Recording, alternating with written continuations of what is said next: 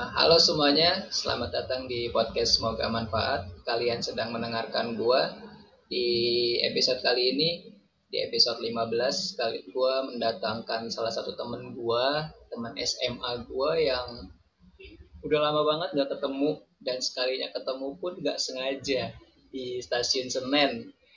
Itu pun hanya beberapa menit doang dan dia yang memanggil saya karena saya sedang buru-buru waktu itu dan ketika dipanggil pun saya nggak langsung menyadari dia itu siapa.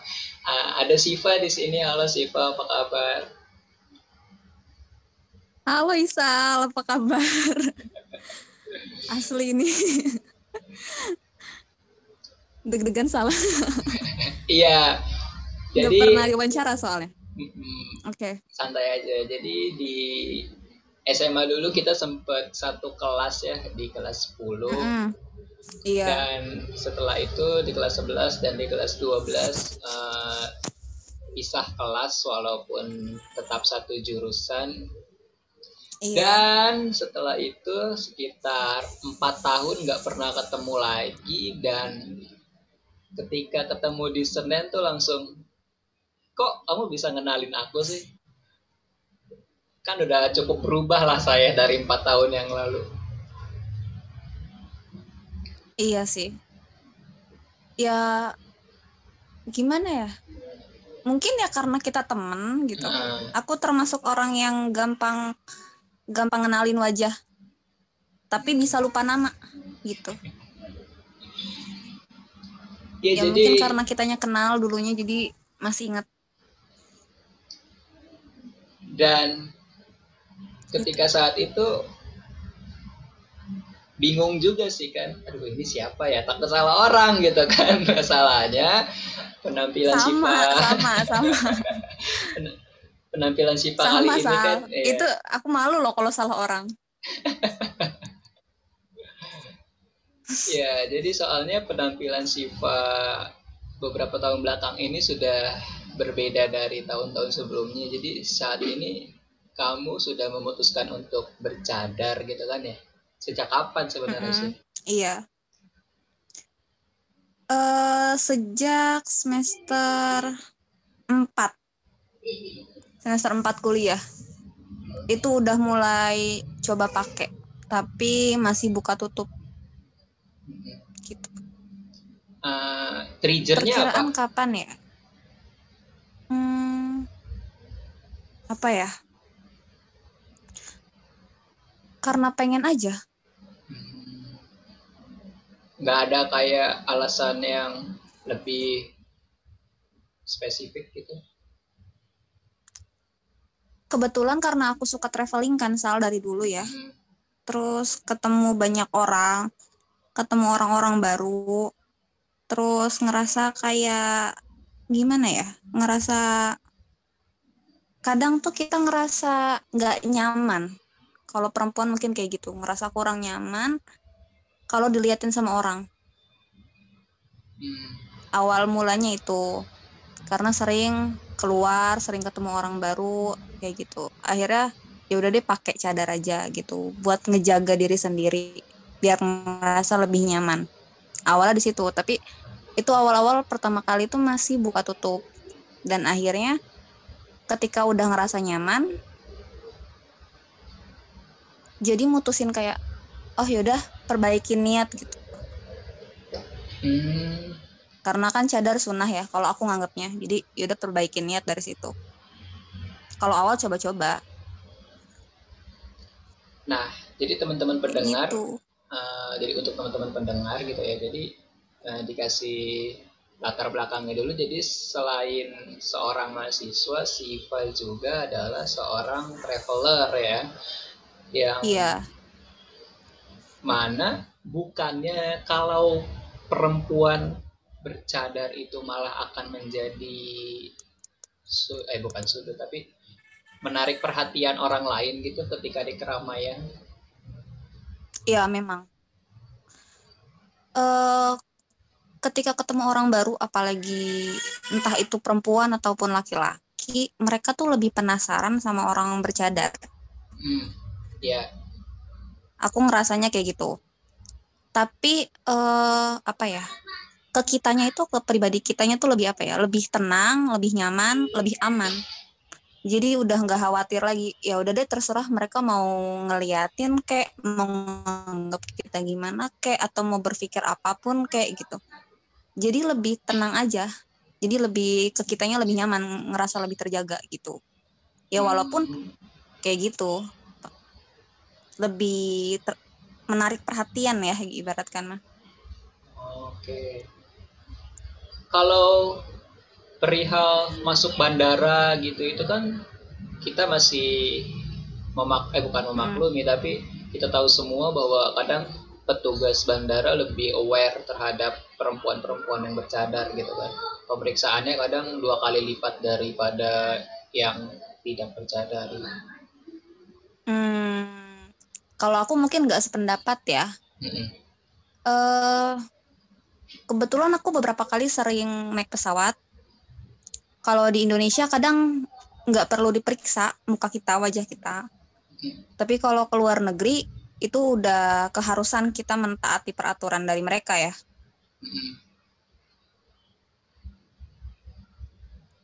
Jadi dibuka sama kok sama diliatin wajah kita, di scan, udah gitu aja. Nggak nggak nggak gimana gimana. Nggak ada yang aneh-aneh atau nggak ada yang sampai lebih detail gitu nggak. Nggak ada pencurigaan yang berlebih gitu? Nggak ada. Alhamdulillah sih selama ini aku ngerasa fine fine aja. Aku ke mana pun aku uh, traveling ke mana pun alhamdulillah aman. Ya jadi mulai kapan sih sebenarnya kamu suka traveling sih? Kayaknya dulu waktu SMA nggak aku nggak nggak kenal Siva sebagai seorang traveler. Gitu karena memang kita nggak kenal Sal. Karena memang kita cuek kan kita saling nggak kenal. Uh, yang kenal aku cuma Mila. Uh, aku sama Mila tuh kita sering banget traveling walaupun tempatnya deket-deket gitu. Tapi kita hampir beberapa kali tuh kita traveling.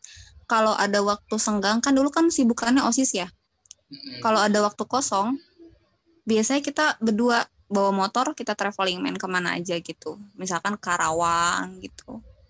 Tapi yang nggak jauh-jauh kalau dulu kita masih skala yang deket-deket kayak gitu. Dan memutuskan untuk menjadi seorang backpacker dan pendaki gunung itu kapan?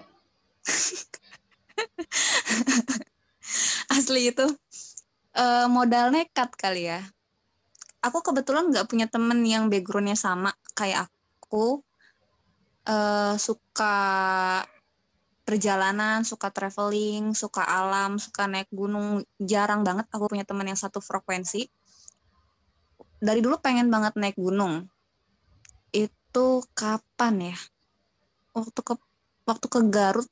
Jadi awal cerita mulanya itu aku main ke rumah saudara aku di daerah Garut Terus aku langsung nyari open trip di situ. Ada kebetulan ada open trip.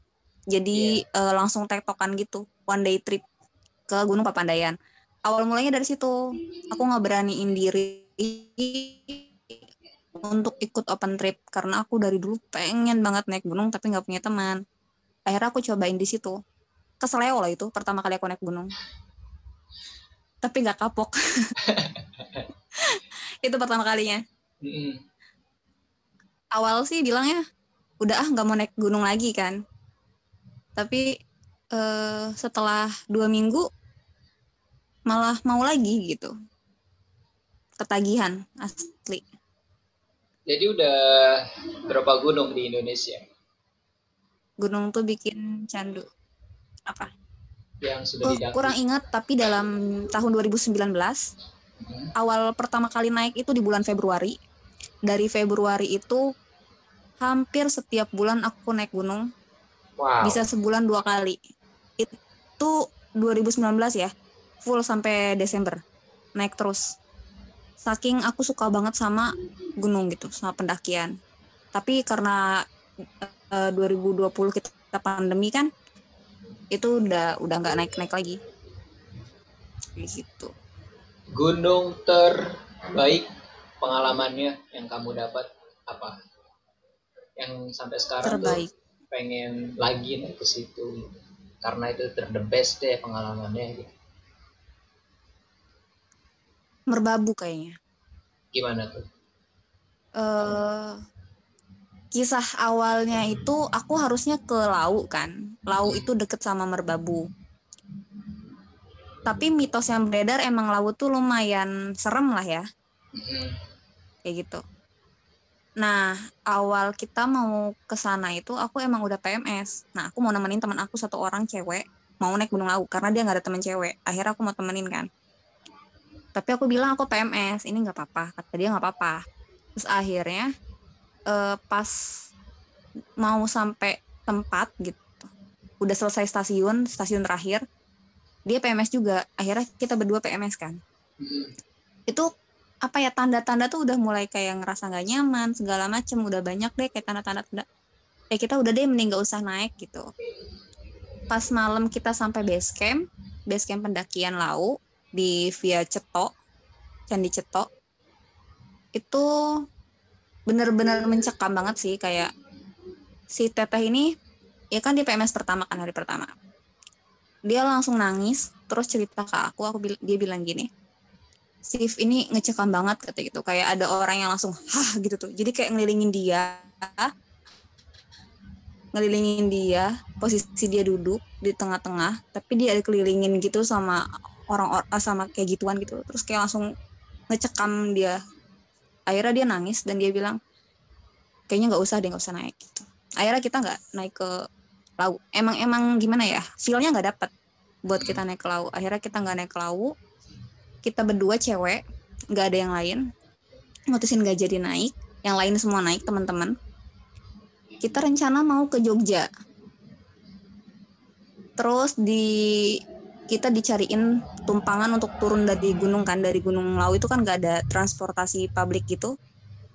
Nah dari situ kita dikasih tumpangan sama bapak-bapak porter yang rumahnya di Merbabu. Bapak-bapak itu ngajakin kita buat uh, kenapa nggak ke Merbabu aja? Kata digituin kan. Karena Merbabu lebih aman lebih enak gitu loh kata bapaknya dibandingkan lau. Tapi feelnya tuh langsung dapet kok iya ya? Merbabu kayak tenang gitu loh. Hawanya tenang nggak kayak lau gitu. Akhirnya tanpa pikir panjang kita langsung ke merbabu. Padahal dua-duanya kita lagi PMS dan kita cuma cewek doang berdua. Kayak gitu kita akhirnya naik merbabu dan itu tempatnya bagus banget. Serius itu bagus banget. Naik gunung berdua perempuan itu sampai puncak? Enggak. Oh, oh iya uh, ini belum diceritain lupa. Jadi pas sama si bapak itu porter semua kan mereka ada sekitar 8 orang kita gabung sama bapak itu naik mobil kayak mirip elf tapi bukan elf. Hmm. kita sampai base camp merbabu uh, biasanya kan tempat tidur pendaki itu bareng-bareng ya? Ngemper gitu. Kita langsung diginiin uh, ngapain di sini? Ayo ikut. Diajak ke atas lah kita. Diajak ke atas dikasih kamar. Di kamar itu uh, ada bantal ada selimut. Pokoknya kamar beneran kamar enak banget. Kita shock dong. Kok dikasih kamar? gitu loh. Spesial banget. Mungkin karena hargain kita perempuan kali ya duaan. Jadinya dikasih terus kenal juga sama mereka. Akhirnya ditaruh di situ. Bener-bener tuh dijaga banget sih. Terus malamnya kita dititipin sama tiga orang pendaki. Tiga orang pendaki. Besoknya kita naik bareng. Dan ternyata kita nggak pakai simaksi. Tahu kan simaksi saya surat izin gitu segala macam? Yeah. karena uh, yang ikut sama kita itu yang tiga orang itu salah satunya itu ada volunteer udah berapa beberapa tahun dia volunteer di situ. Jadinya kita naik ke Merbabu tuh gratis kayak gitu. Dan di Merbabu kita cuma sampai Sabana satu. Sebenarnya badai selama selama kita pas sampai di sana tuh udah badai udah bener-bener susah mau bangun tenda juga. Sampai pagi itu sampai dari jam 5 sore sampai pagi jam 9 tuh bener-bener badai. Aku pertama kali ngalamin badai di gunung. Itu ngeri banget emang. Tapi pas pagi jam sekitar jam sembilan setengah sepuluhnya itu view-nya keren banget. Sabananya keren banget. Hijaunya itu bagus banget. Ada bunga kalau aku nyebutnya mungkin daisy ya. Bunga-bunga kecil yang kuning di bawah. Itu bagus banget. Dan emang keren luas harus cobain sih Sal.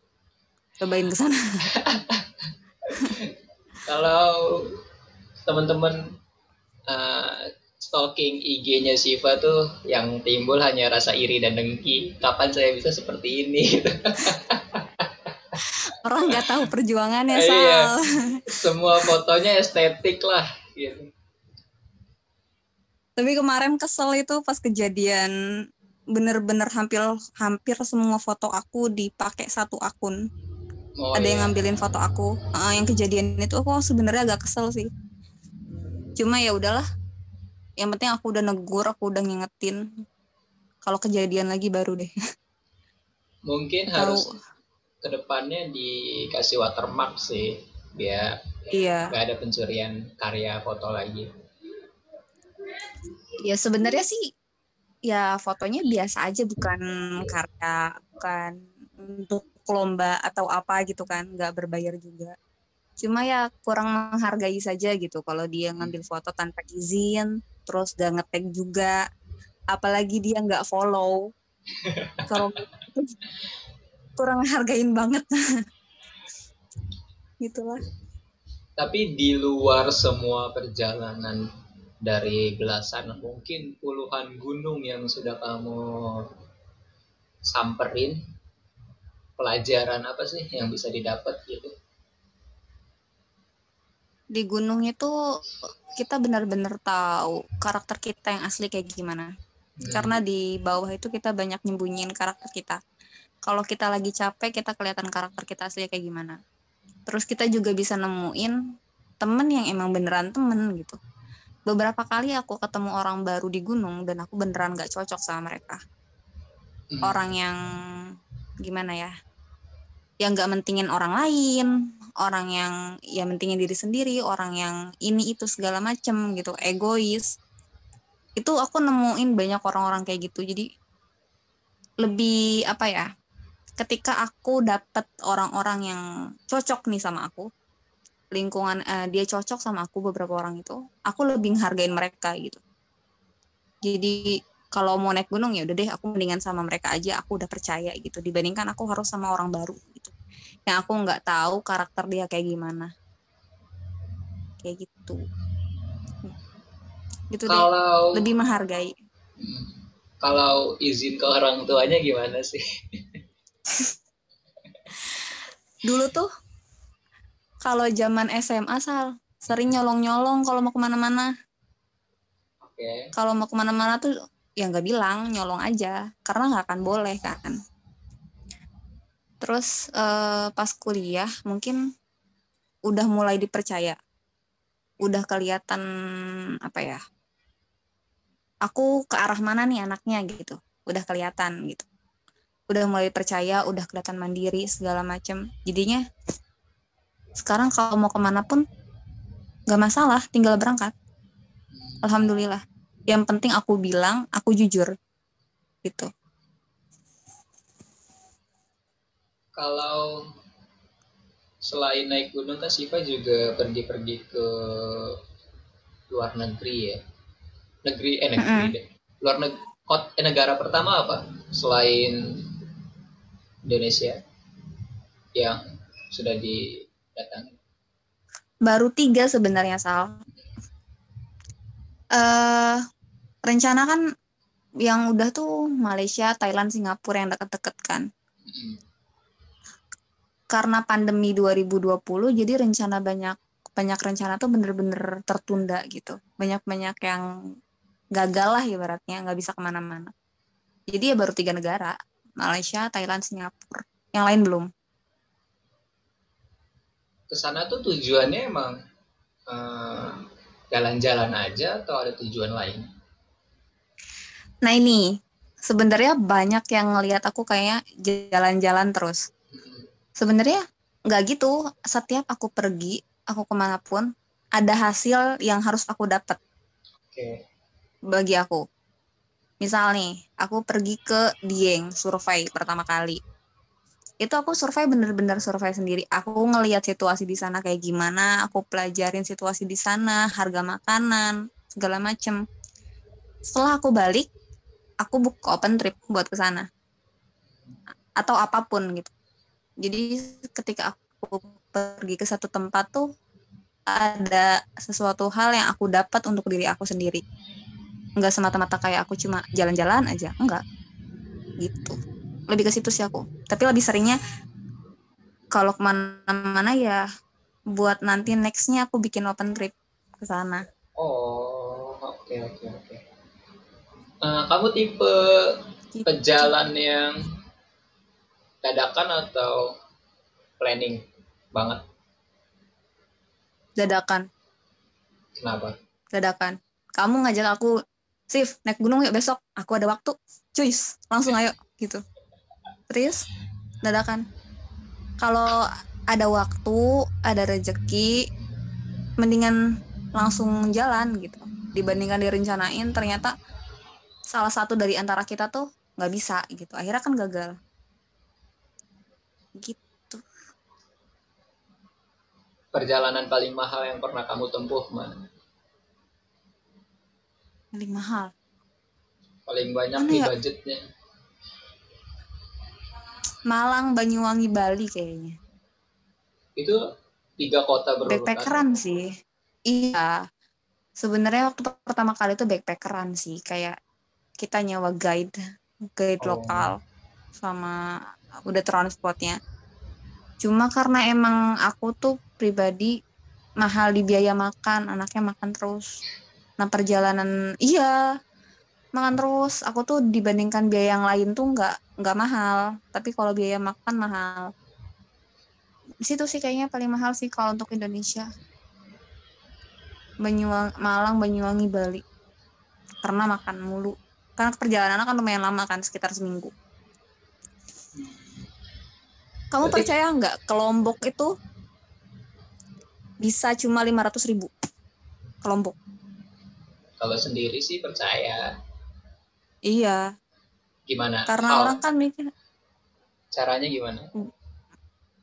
Hmm, banyak orang mikir kan kalau ke Lombok atau Bali itu mahal. Tapi menurut aku kalau kita jalan sendiri tuh nggak mahal. Kita cuma naik kereta sekitar 100 ribu, terus naik kapal 99 ribu, terus uh, itu udah udah nyampe, nyampe Lombok. Cuma 100 berapa doang itu eh 200 berapa gitu jadi 500 ribu tuh udah bisa PP kalau bener-bener backpackeran tempat tinggal enggak di hotel tempat tinggal kayak di rumah teman atau di mana gitu. Terus makan bener-bener masak. Ya cukup lah 700 ribu buat diri sendiri. Kayak gitu. oh gitu. trip super hemat ya? Iya. Sebenarnya kayak orang ngelihat aku jalan-jalan terus lebih banyak uang ya aku ngirit kok. Nggak nggak nggak banyak banget gitu. Perjuangannya juga banyak. Berarti paling jauh Indonesia Lombok Sumbawa. Besok Tapi, insya Allah aku mau ke NTT besok. Berarti arah arahnya ke timur terus ya? Iya aku lagi ag gimana ya lagi dikasih kesempatannya ke arah sana dulu. Hmm. Sebenarnya aku punya temen di daerah Maluku punya, tapi mungkin kodarullah ya emang jalannya belum harus ke sana gitu. Jadi kayak setiap mau ke sana tuh kayak ada halangannya, ada halangannya, jadi nggak pernah jadi. Kayak gitu. Jadi ya udah aja ke timur dulu. Lalu yang aku lihat-lihat juga kan dari Instagram kamu nih kamu mulai buka jasa pelayanan perjalanan ya itu inisiasi kamu sendiri kah atau tim sama teman-teman gitu? Itu udah jalan tiga tahun loh sal. Iya. Uh -uh. udah cukup uh, wow lah buat saya gitu. itu juga udah cukup wow buat saya sal. Uh, awal mula kenapa aku bisa kayak gitu itu uh, aku pengen traveling tapi nggak punya uang. Oke. Okay. ya kan aku mahasiswa aku nggak kerja. Uang aku dari mana gitu loh. Akhirnya gimana caranya aku bisa dapat uang? Kalau enggak traveling gratis ya aku harus buka open trip kan? Hmm. jadi dari situ aku awal mulanya aku pengen traveling gratis. Akhirnya aku buka di tiga tahun lalu. Sekarang alhamdulillah aku udah punya tim sih udah ada berlima sama aku Mm-mm. kita udah punya tim kayak gitu jalan tiga tahun alhamdulillah Sis- sistemnya gimana tuh? Menampung dulu Sistemnya? kah? Eh, kita eh, kita terima private, kita terima open, open trip, kita terima private trip juga, kita terima backpackeran juga. Backpackeran tuh kayak yang udah deh aku nggak perlu guide gitu, tapi aku perlu ininya ini aja rutenya gitu segala macam dipesanin ini ini itunya gitu harganya. Oh. Heeh. Kan kalau pakai private trip kan agak sedikit mahal kan gitu. Harus nge-guide dan lain-lain. Kayak open. Sebenarnya kita nyediain kayak kamu bisa DP dulu nih gitu. Nanti selanjutnya boleh nyicil. Nyicilnya terserah berapapun. Yang penting kalau domestik kayak tiga minggu sebelum keberangkatan udah lunas. Eh, selama perjalanan kamu ke banyak tempat gitu, ada nggak perlakuan buruk dari orang-orang lain karena penampilan kamu saat ini? Kalau perlakuan enggak sih. Aku lebih sering ngerasa kayak dispesialin. Lebih dihargain. Mau ketemu siapa pun. Eh, tapi lebih seringnya dari laki-laki tuh lebih ngehargain ya. Beberapa kali kayak misalkan contoh kecil nih. Aku ke Indomaret. Dia ngelihat aku bercadar, si kasirnya, dia naruh uang tuh nggak nggak nyentuh tangan aku kadang naruh di bawah gitu dan itu kan menurut aku ah maksudnya spesial nih gitu maksudnya ngehargain aku untuk tidak sentuhan tangan gitu. Terus kayak temen misalkan kenalan gitu. Dia lebih sering ngomongnya bahasanya agak kasar. Nah ketika ngomong ke aku tuh lebih gak kasar lebih ngehargain. Lebih sering kayak gitu sih kalau perlakuan yang di luar itu enggak aku enggak enggak ngalamin alhamdulillah jangan sampai juga sih ya mungkin ada tapi masih kadar biasa ya paling gimana ya kayak ngeliatin atau segala macam itu ya hal biasa lah kayak gitu Membatasi pergaulan nggak sih dengan lawan jenis? Atau memang itu Aku. tujuannya? Hmm, dari dulu aku memang kalau sentuhan tangan tidak. Tapi kalau ngobrol segala macam ya karena aku memang anaknya suka ngomong kan. Jadi nggak ada masalah bagi aku. Nggak ada yang aku ubah dari diri aku kecuali penampilan aku doang. Nggak ada yang sama sekali aku Kayak gitu. selagi aku nggak ngelanggar syariatnya gitu menurut aku nggak ada masalah Kalau orang-orang yang di luar negeri gitu, semacam Singapura, tadi kamu bilang Mm-mm. Thailand, apakah Mm-mm. mereka termasuk masih asing dengan penampilan seorang wanita bercadar? Eh, untuk Asia menurut aku kayak Singapura Thailand Malaysia sama orang-orang yang cadaran cuma aku pernah eh, sekali ketemu sama orang Korea dan dia tuh bener-bener takut dideketin sama aku padahal aku cuma lewat. Hmm, serius. Dan aku kayak ngerasa ih kenapa sih dah? Aku juga nggak nggak gimana gimana gitu loh. Kayak gitu langsung langsung ngejauh banget mereka ngelihat doang tuh. Hmm. tapi untuk Asia enggak mungkin karena mayoritas juga muslimnya kan lumayan banyak kan. Kalau trip impian kamu ke mana? trip impian. Aku masih pengen banget explore NTT sih. Cuma mungkin NTT kan luas banget. Besok besok nih aku tanggal 10 emang mau ke NTT tapi cuma lima hari. Jadi nggak akan puas sih menurut aku. Banyak tempat yang pasti nggak akan bisa aku datangin dalam waktu singkat itu. Aku pengen banget ke NTT aku pengen banget ke Pulau Otun kalau nggak salah itu apa. Pasirnya tuh yang berbentuk-bentuk jadi kayak di Mesir. Salah satunya aku pengen.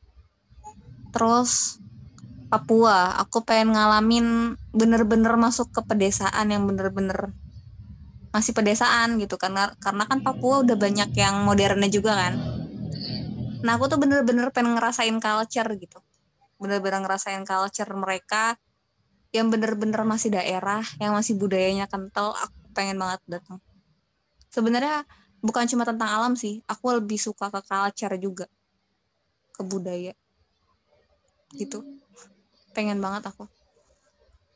Berarti kamu tipe yang kalau datang ke satu tempat tuh bukan kayak misalkan diving, hiking tapi lebih ke masyarakatnya gitu uh, kedua hal itu aku suka sih mm-hmm.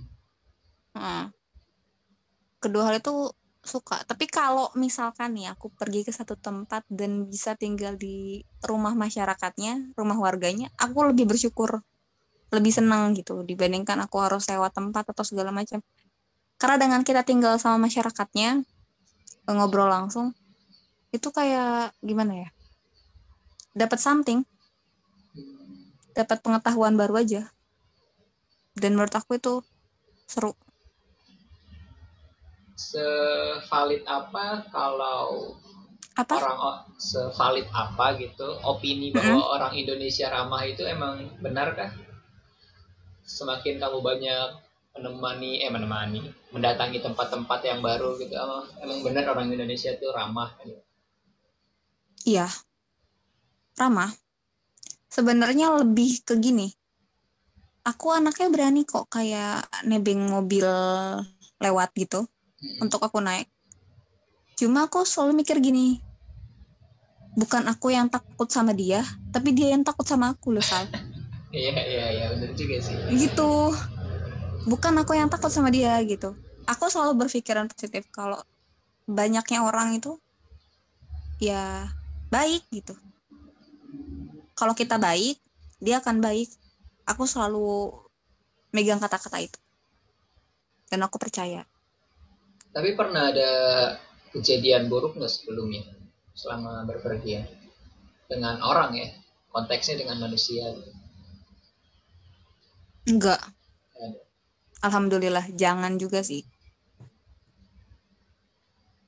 Jangan juga jangan sampai. Oh, uh, pernah sekali pengalaman aku naik abis turun gunung kita harus langsung pulang karena besokannya kuliah itu super dadakan banget pulangnya tengah malam sekitar jam sebelasan dari Bandung. Itu cewek aku sama temen aku doang cewek berdua di dalam bis itu. Semuanya cowok kan. Itu memang takut takut banget. Itu doang sih pengalaman takut. Tapi ya alhamdulillah aman walaupun takut juga.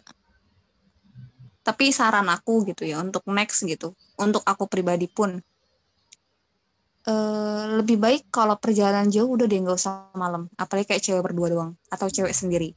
Kalau nggak yakin yakin banget nggak usah gitu. Saran aku. Lalu nih kan di mana mana kalau namanya trip modal utamanya ya uang gitu. Berarti how to manage your money? Uh, aku kan buka open trip jadi dari keuntungan itu aku pakai. Buat aku survei buat aku kayak gitu. Lebih seringnya sih aku datang ke satu tempat tuh emang survei sih. Berarti sekalian sebelum, survei. sebelum punya open trip nabung banget tuh? Enggak sama sekali. Aku di travel tanpa modal. Gimana aku cara? mulai travel tanpa modal. Awal mula aku buka open trip itu ke luar negeri bukan Indonesia dulu. Aku mulai Indonesia itu baru satu tahun sekarang. Tapi kalau ke luar negeri aku udah jalan tiga tahun kan. Nah awal mula tuh aku ke luar negeri dulu. Satu tahun tuh aku share share sharein promo-promo trip aku sharein open open trip gitu gak ada sal yang mau daftar serius nggak satu tahun tuh nggak ada yang mau daftar mungkin karena emang aku nggak punya link, aku nggak punya koneksi yang cukup luas gitu, nggak ada jangkauan ibaratkan, nggak ada yang kenal aku juga gitu. Jadi nggak ada yang percaya mau daftar, nggak ada yang daftar juga, tapi nggak nyerah. Setelah satu tahun, aku nggak nyerah, aku terus usaha, aku terus doa. Sesuai ucapan, aku bilang waktu dulu tuh aku mau balik lagi ke sini gratis. Itu sesuai ucapan, bener-bener ucapan itu bener-bener emang doa ya. Salah satu tahun, bener dong. Kodarullahnya salah bayangin.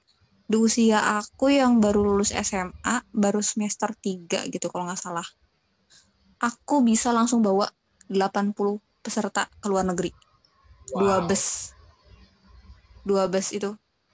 Dengan aku yang backgroundnya nggak punya pengalaman, Sal dengan aku yang backgroundnya baru lulus SMA itu agak ngeri. Terus aku harus ngobrol langsung sama ibu-ibu sama customer aku di depan mereka gitu kan ngomong langsung. Mereka aja nggak percaya gitu. Kita bakal dibawa sama Mbak Siva yang ini. Masih kecil gitu loh seusia anaknya. Serius. Kamu nggak hire tim baru gitu Hmm, enggak. Waktu awal-awal tuh aku emang kerja sendiri. Hmm. Kerja sendiri tapi aku gabung sama satu perusahaan yang aku percaya. Memang dia temenin aku ya cuma karena kan dia uh, si yang dua bus ini kan customer aku kan mau nggak mau aku tetap harus ngomong dong. Hmm. Nah gitu. Dari situ ya kan aku bawa orang dua bus otomatis ada keuntungan dong buat aku awal mulanya dari situ. Setelah situ aku udah mulai punya customer terus jalan terus jalan. Itu bener-bener kayak mimpi banget sih. Aku cuma bilang kayak aku mau ke sini lagi gratis. Cuma bilang kayak gitu. Ternyata aku bisa balik ke luar negeri itu dalam satu tahun bisa berkali-kali. Bahkan sebulan aku bisa dua kali. Udah hafal dong jalan-jalan di sana ya. Udah hafal tapi tetap kangen buat balik lagi. Serius boleh lah nih lamar jadi karyawan lah. Aku gak punya karyawan sal. Kita kerja bareng-bareng sal. Ngehandle kalau 80 hmm? orang yang dominasinya ibu-ibu tuh sakit kepalanya gimana? Waktu awal tuh emang ujian ya buat aku. Uh, nggak ngerti sama sekali segala macam cuma lebih cepet belajarnya. Aku yang nggak ngerti ngurusin orang-orang di bandara aku yang nggak ngerti keimigrasian aku yang nggak ngerti apa pun lah intinya. Itu tuh pas pertama kali bawa 80 orang tuh bener-bener uh, gimana ya belajar cepet belajar cepet. Yang terus ngehadepin ibu-ibu yang kayak gitu ya dinikmatin aja disabarin. Ternyata bisa kelar juga gitu intinya kelar juga tapi aku pernah uh, bawa kan aku ngajarin sekitar berapa orang ya? Dua orang. Aku ngajarin eh tiga orang. Aku ngajarin tiga orang buat ngeguide jadi penerus aku gitu biar aku nggak terus terusan kan. Uh, yang satu tuh sampai nangis loh kejar. Serius ke luar negeri.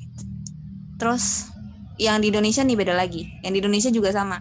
Aku pernah bawa ngajak satu orang untuk aku ajarin dia ngeguide sama dia nangis. Bener-bener kayak udah nggak kuat di depan ibu-ibunya. Langsung ngadep belakang dia udah langsung nangis. Pedes banget kalau omongan ibu-ibu teh. Itu biasanya rata-rata ibu-ibu apa? Ibu-ibu arisan kah? Ibu-ibu komplek? Campur sih. Hmm. tapi customer aku tuh banyaknya bidan. Oh bidan uh, uh, outing iya. outing kantor gitu mm -mm. kantor enggak kalau kantor dia lebih sulit kayak buat izin hmm. lebih yang kayak punya bisnis sendiri atau oh. bidan gitu rencananya gitu. luar negeri mana lagi masih Asia aja kan banyak kalau rencana tuh sebenarnya banyak masalahnya karena masih pandemi kayak gini jadi belum bisa survei belum bisa ke sana kayak gitu. Tapi rencananya banyak. Dari mulai kayak Turki Korea Jepang. Terus banyak sih. Kalau ada Jepang boleh lah kalau ada rezeki. Ayo. Kok ngewibu? Asli. Ngewibu dong dia. Berarti kamu barengnya teman kuliah lah yang dari empat orang itu? Atau teman kenalan hmm. selama trip? Yang satu aku narik teteh aku. Teteh tuh bibi. Hmm. untuk dijadiin tim. Terus yang tiga yaitu satu kampus. Aku nariknya satu-satu dulu. Aku tarik satu terus aku lihat dia bisa apa enggak gitu di travel. Kalau udah bisa udah bisa belajar segala macam aku narik satu lagi gitu jadi masuknya satu-satu. Nggak langsung semua masuk enggak itu semua kenalan. Satu kampus sih. Cuma teteh aku doang yang beda.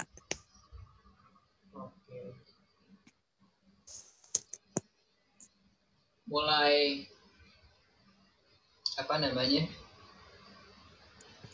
Meyakini bahwa bisnis ini akan terus jalan berkembang. Itu kapan? Itu saat yang 80 peserta itu. Hmm. Setelah itu lancar Dari situ terus aku tuh? enggak juga sih, Sal. Cuma dari situ aku sadar gini. Uh, Tuhan kita Allah itu emang punya rencana gitu. Rencananya itu dikasih ke kita di saat waktu yang tepat gitu ya bisa jadi waktu sebelum aku baru lulus itu ya kenapa aku nggak dikasih peserta bisa jadi akunya belum siap ngurusin orang-orang itu gitu. Setelah aku siap makanya dikasih sama Allah gitu kan. Mungkin kayak gitu. Dari situ tuh aku kayak mulai percaya aku mau seriusin gitu. Karena emang dari awal yang aku bilang aku pengen traveling gratis itu loh Sal karena aku nggak punya uang. Dari mana aku buat dapat uang? Dari situ. Biar aku bisa traveling gratis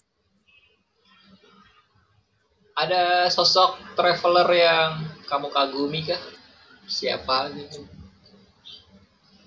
Lupa aku namanya aku tuh pelupa sama nama inget sama muka sal. Apa dia? Reporter kah? Youtuber? Iya dia termasuk reporter juga tapi orang luar. Ah. dia cewek. Dia cewek lupa aku namanya. Dia sering solo traveling sendiri. Cewek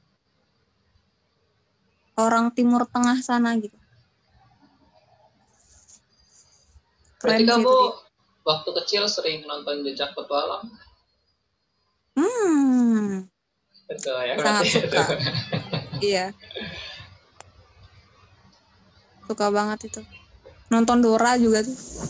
Kan dia petualangan terus. Kalau Seven Summit ada rencana atau enggak? Enggak. Enggak. Kenapa? Kalau aku tuh mau naik gunung semau maunya aku sih. Hmm. terus nggak harus sampai puncak. Kalau capek ya berhenti. Terus kalau mau naik gunung ya tergantung feel. Kayak aku dapat feel naik gunung ke sini ya aku naik. Kalau aku nggak dapat feel aku nggak maksain gitu dan nggak mau. Gitu. Bukan naik ya aja? puncak ya nggak bukan. Nikmatin aja. Bahkan aku sering kayak naik gunung cuma naik aja sampai pos berapa gitu. Terus kayak teman-teman pada mau naik ke atas gitu ke puncak. Aku bilang udahlah aku di sini aja. Orang bagus kok gitu. Jadi nggak nggak ngejar foto nggak ngejar foto di puncak gitu nggak. Yang atau ngejar puncak tuh enggak view-nya paling subhanallah yang mana? View-nya? Uh. mana ya Ijen waktu itu dapet cerah. Aku tuh ke mana aja ya? Bentar. Ah awal mula aku jatuh cinta sama gunung itu di Patuha. Di mana tuh? Di Bandung. Itu di Kawah Putih. Nah di situ tuh ada di dalamnya tuh bener-bener hutannya tuh lumut. Lumutnya besar-besar. Dari situ aku mulai suka sama gunung. Viewnya lautan awan di mana ya Semeru Gak inget eh belum belum Semeru tuh ha harusnya naik aku tahun kemarin tapi karena pandemi kan jadi nggak bisa naik. Semeru belum, Rinjani belum. Hmm, view-nya keren baru kemarin. Savana Propok, tuh keren juga. Keren banget. Yang foto kabut yang pakai kerudung kuning aku tuh. Oh iya. Itu bagus banget sal. View-nya sih bagus banget di sana. Tempat-tempat yang Kalau biasa kamu datengin tuh hmm? berarti lebih banyak desa kah ketimbang kota? Hmm, nggak suka saya sama kota. Paling kalau mau ke kafe gitu, duduk, nulis, gitu aja.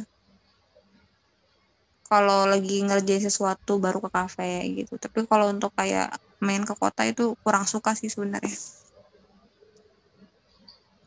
Kondisi Indonesia Timur gimana sih? Apakah emang beneran tertinggal kah? Lebih dari Jakarta dan Jawa Barat? Kayaknya sih nggak semua kali ya, tapi ada beberapa yang kayak gitu. Kayaknya ada beberapa yang kayak gitu, tapi nggak nggak semua. Ya wajar sih menurut aku, karena kan emang Indonesia terlalu luas ya, dan nggak mudah untuk ngejangkau semuanya kalau menurut aku. Ya itu tugasnya kita sih sebenarnya yang masih agak muda kayak gini, buat bantu-bantuin daerah sana.